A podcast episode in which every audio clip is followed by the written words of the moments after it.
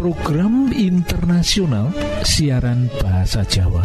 Lan kagiatan langsung saking pulau kuat sendiri ing wektu sing apik iki bakal maparake tiga program yoiku siji ruang motivasi lan rumah tangga. Loro ruang kesehatan. Lan telu ruang firman Allah. Kita pracojok program iki bakal jadi manfaat jadi berkah kagem kita kabeh Para sederek, monggo, monggo. Sugeng mirengaken program pertama inggih menika Ruang Motivasi.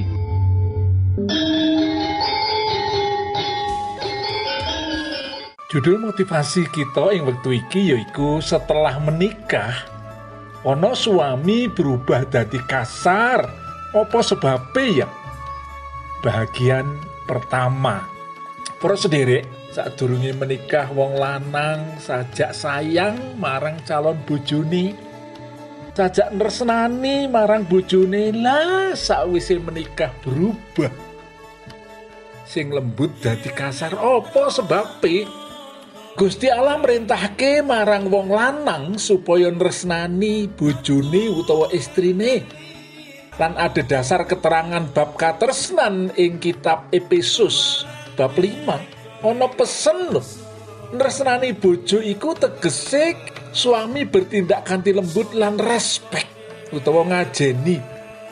Masalahe kanthi berjalani waktu sering kali kelembutan kemesraan bermetamorfosis berubah dari kekasaran respek berubah dari nesto lan hina. Iki lho sing sering terjadi terus sendiri mesti kita tentu kebanyakan berkata loh menawa wawan atau perubahan iki terjadi amarga ono sebabilan alasan klasik. Laki-laki kebanyakan nyebutake loh yen iku kabeh disebabake sikap lan perilaku sing ora sopan saka istrine utawa saka bojone ini minangka alasan utama kenapa dianggap dheweke dadi kasar padahal sering kali ora mengkono loh yang kita gali kanthi bener-bener loh nanging kita kudu eling loh yen panggilan hidup suami menurut karakter Allah. Ora gumantung atau tidak tergantung keadaan. Apa wae kahanane Gusti Allah njaluk supaya kita tresno lan nganggep bojo utawa istri itu adalah yang perlu kita sayangi kanthi lembut dan respect lho para sendiri. Lah iki bakal dijelentrehake lho.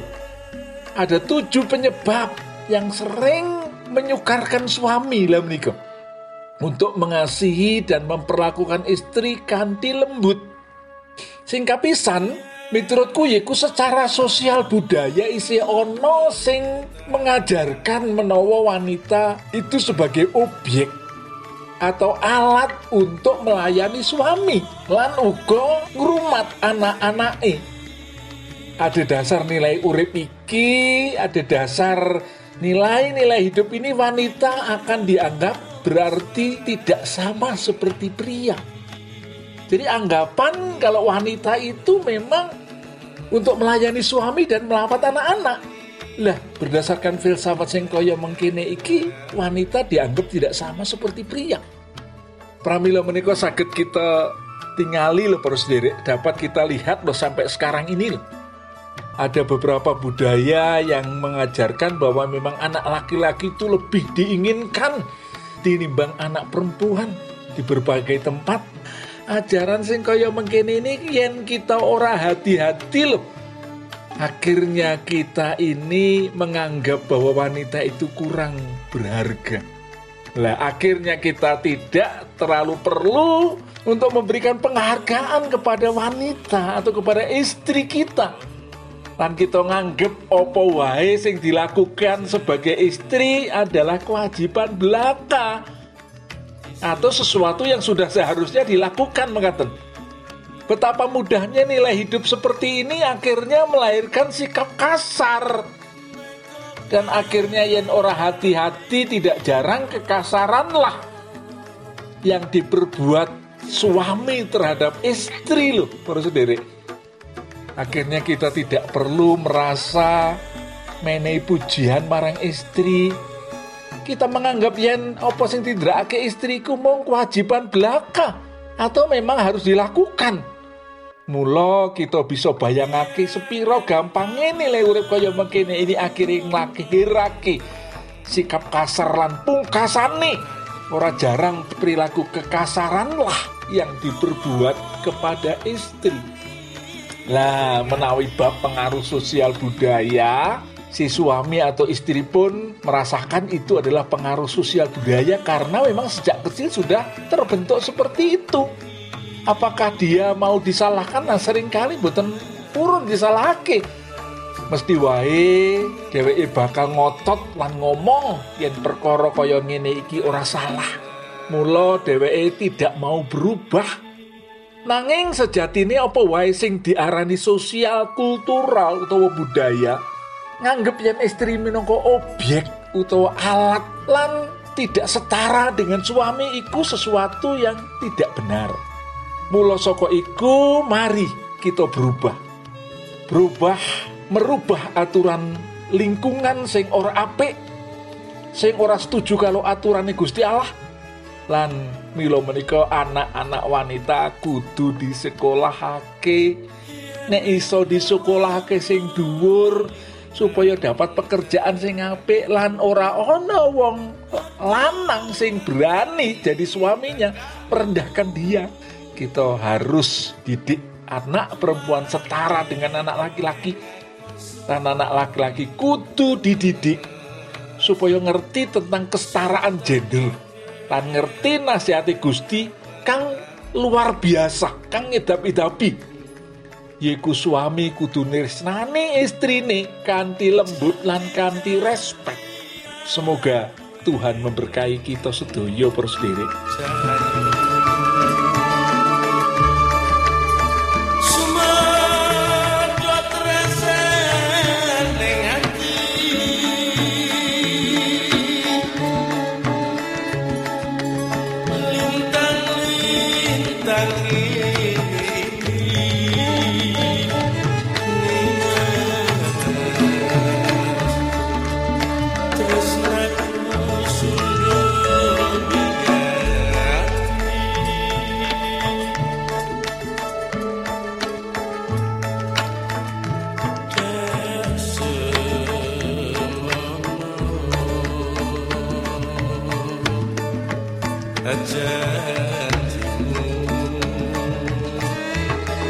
EWA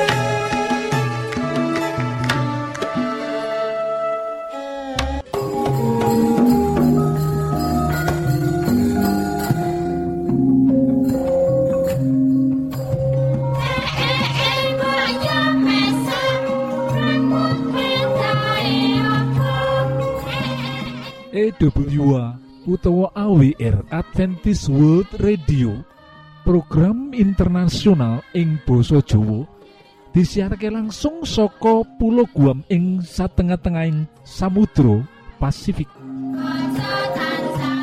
Poros derek Monggo Monggo sugeng mirengaken program kedua inggih menika ruang kesehatan. Salam sehat Gusti berkahi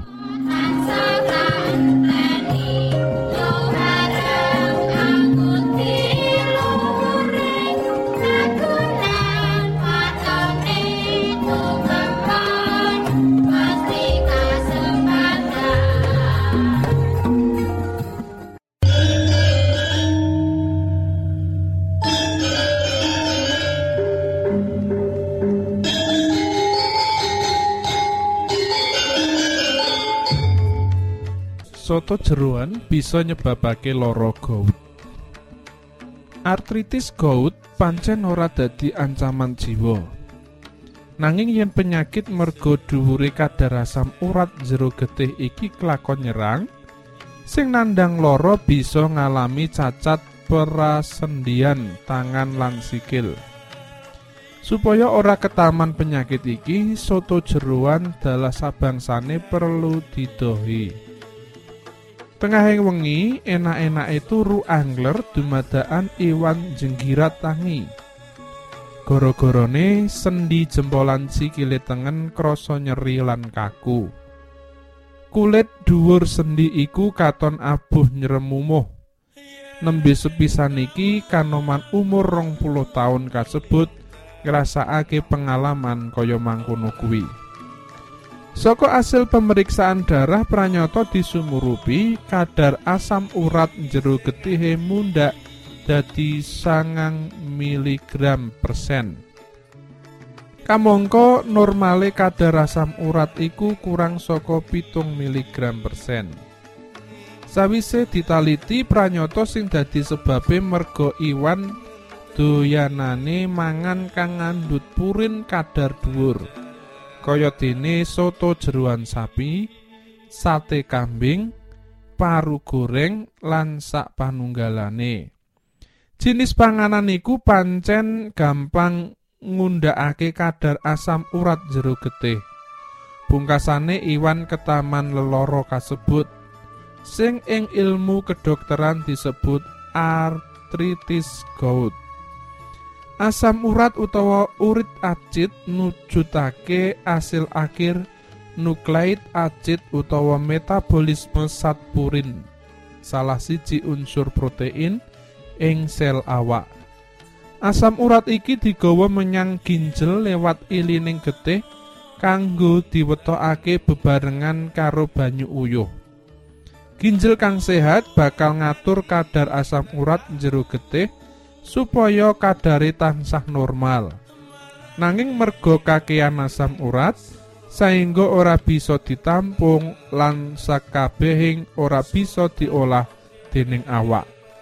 Kaluwihane iku akhire numpuk ing sendi lan jaringan. Asam urat ing cacah winates uga diproduksi saka panganan kang dijur jero weteng. Asam iki lewat usus besar bakal dijur bakteri dadi zat kimia kang diwetokake bareng karo feces utawa kotoran kang diwetokake saka usus.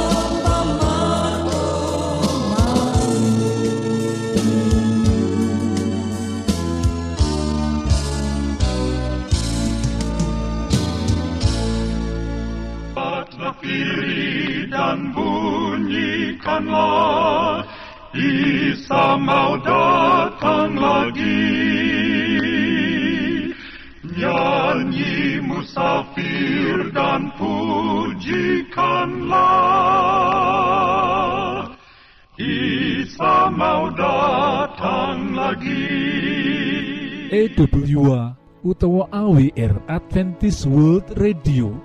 Program internasional ing Boso Jowo disiharke langsung soko pulau Guam ing satengah-tengahing Samudro Pasifik.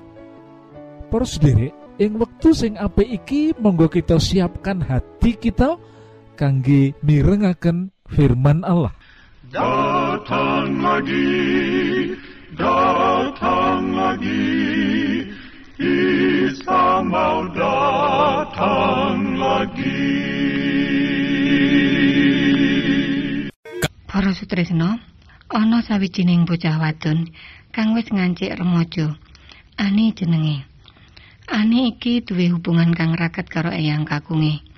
Ani ngerti banget yen eyange iku sawijining wong tuwa kang apik kelakuane. Eyange tansah tumindak kabecikan marang sapa wae. Lan eyange uga tansah sregep tindak menyang gereja. Dheweke iku sawijining priyayi sepuh kang patut diajeni. Pantes dihormati lan dikagumi. Nanging Ani ngerti yen kabeh ora cukup kanggo bisa paring urip langgeng marang eyang kakunge. Marga iku ing sawijining dina nalika dheweke lagi mlaku-mlaku karo eyang kakunge ing sawijining taman sawise eyange akeh nyritakake akeh bab kang dialami. Ani mundut pirsa marang eyange. Yang menapa eyang sampun dipun lairaken malih? Nanging tanpa sakweruhe ani sawijining wong kang nate dadi karyawan eyange nate paring panyetsi marang dheweke. Pitakoni ani marakake dheweke ngrasa perlu kanggo mintakonake kondisi kerohaniane. Ora let suwe sakwise mireng pitakoni ani, eyang kakung lan eyang putrine mirengake siaran rohani ing televisi kang dipimpin dening Billy Graham. Lan donga kanggo bisa nampa Yesus minangka juru wilujenge. Let sawetara minggu sawise iku, eyang kakunge ani mau sedo. Nanging piyambake wis ana ing sajroning rengkuhan langgeng Gusti Allah. Para sitresna kinasih, apa nate or ana wong kang takon marang panjenengan? Apa bab pitakoni ani mau? Yen ora, itinono aku ngajukake pitakon. Apa panjenengan wis dilairake maneh? Kita kabeh wis mati sebab dosa-dosa kita. Nganti kita oleh kauripan rohani liwat iman marang Kristus. Beda maneh karo cerita sawijining priya. Dheweke iku sawijining wong kang sukses ing karire. Sawijining pemimpin kang dihormati lan diajeni dening para karyawan ing kantor kang dipimpini. Sebab dheweke pancen sawijining pemimpin kang apik lan wicaksana. Sawijining pemimpin kang ngerti kebutuhan karyawane. Umpamane, yen ana karyawan kang mlebu ing kamar kerjane kanthi praupan kang suntrut lan peteng. Mbuh, ana masalah apa kang lagi arep diaturake. Wis mesti bisa dijamin. Dheweke bakal metu saka kamar bose mau kanthi praupan kang wis dadi padang. Iku sawijining pratandha yen masalah wis bisa dibantu diperantasi dening bos mau. Kejaba iku kabeh dheweke iku uga sawijining kepala keluarga kang becik lan tanggung jawab. Senajan kaya apa repote tugas ing kantore, dheweke tansah nyisihake wektu kanggo keluargane. Kanggo mirengake unek-unek lan kelecuan bojo uga putra-putrane. Nanging emane dene priya mau lali marang siji bab kang paling utama. Apa iku? Dheweke lali ngamanake hubungan kang becik marang Gusti Allah kang murbeng dumadi. Dheweke lali Dene sakabeh kebahagiaan donya kang wis bisa direngkuh iku asale saka Gusti Allah uga. Kabeh akal budi lan kepinteran kang dimiliki kang marakake dheweke bisa kasil ing karire uga asale saka Gusti Allah kang murbeng dumadi. Nanging kenapa nganti dheweke lali marang siji bab kang paling utama iku? Para sutresna, ing Alkitab paring pangandika kang kaserat ing firmane Gusti Allah ing buku Yohanes pasal telu ayat ke-17. Aja gumun yen aku kondo, kowe kabeh kudu kalairake maneh. Para sutresna, sebab iku siji-sining dalan kanggo nampa Yesus dadi juru wilujeng pribadi. Lan Yesus nate dawuh ing firmane uga kang kaserat ing buku Yohanes pasal 6 ayat 44. Ora ana wong sing siji wae sing bisa marani aku kejaba menawa Sang Rama sing ngutus aku kuwi gendeng kowe mau marang aku. Temah wong mau bakal tak tangekake ing dina kiamat. Para sutresna kekasih, wis jelas yen sapa wae senajan kaya apa apike, tetep kudu ngliwati Gusti Yesus kang wis diutus Allah Bapa kanggo rencana nyelametake umat manungsa. lan ing akhir jaman sapa kang percaya marang panjenengane bakal ditangekake lan oleh urip kang langgeng ing swarga. Yesus iku siji-sijining dalan tumuju kauripan langgeng bebarengan Gusti Allah. Kabeh bakal kabeh dalan kang panjenengan lakoni iku sakliyane saka sebab iku dadi dalan kang buntu. Coba panjenengan kendal sedilo. Lan renungno kang dadi pitakone ani. Apa panjenengan wis dilairake maneh? Muga-muga berkah lan pimpinan Gusti Allah tansah nganti panjenengan kabeh. Amin. Studio pamit badhe mundur. pilih wonten pitaken-pitaken utawi unjuking atur masukan-masukan lan menawi panjenengan gadah kepengingan ingkang lebet badhe sinau ba pangantikaning Gusti. Lumantar kursus Alkitab tertulis Monggo. 3 Advent suara pengharapan PO Box 80 Jakarta setunggal kali wolu setunggal 0 Indonesia. Panjenengan saged mlebet jejaring sosial Kawulo inggih menika Facebook pendengar radio Advent suara pengharapan utawi radio Advent suara pengharapan. Saran-saran pitaken ugi tanggapan panjenengan tansah Kawulo Tenggo. Lan saking studio kula ngaturaken bumi panuwun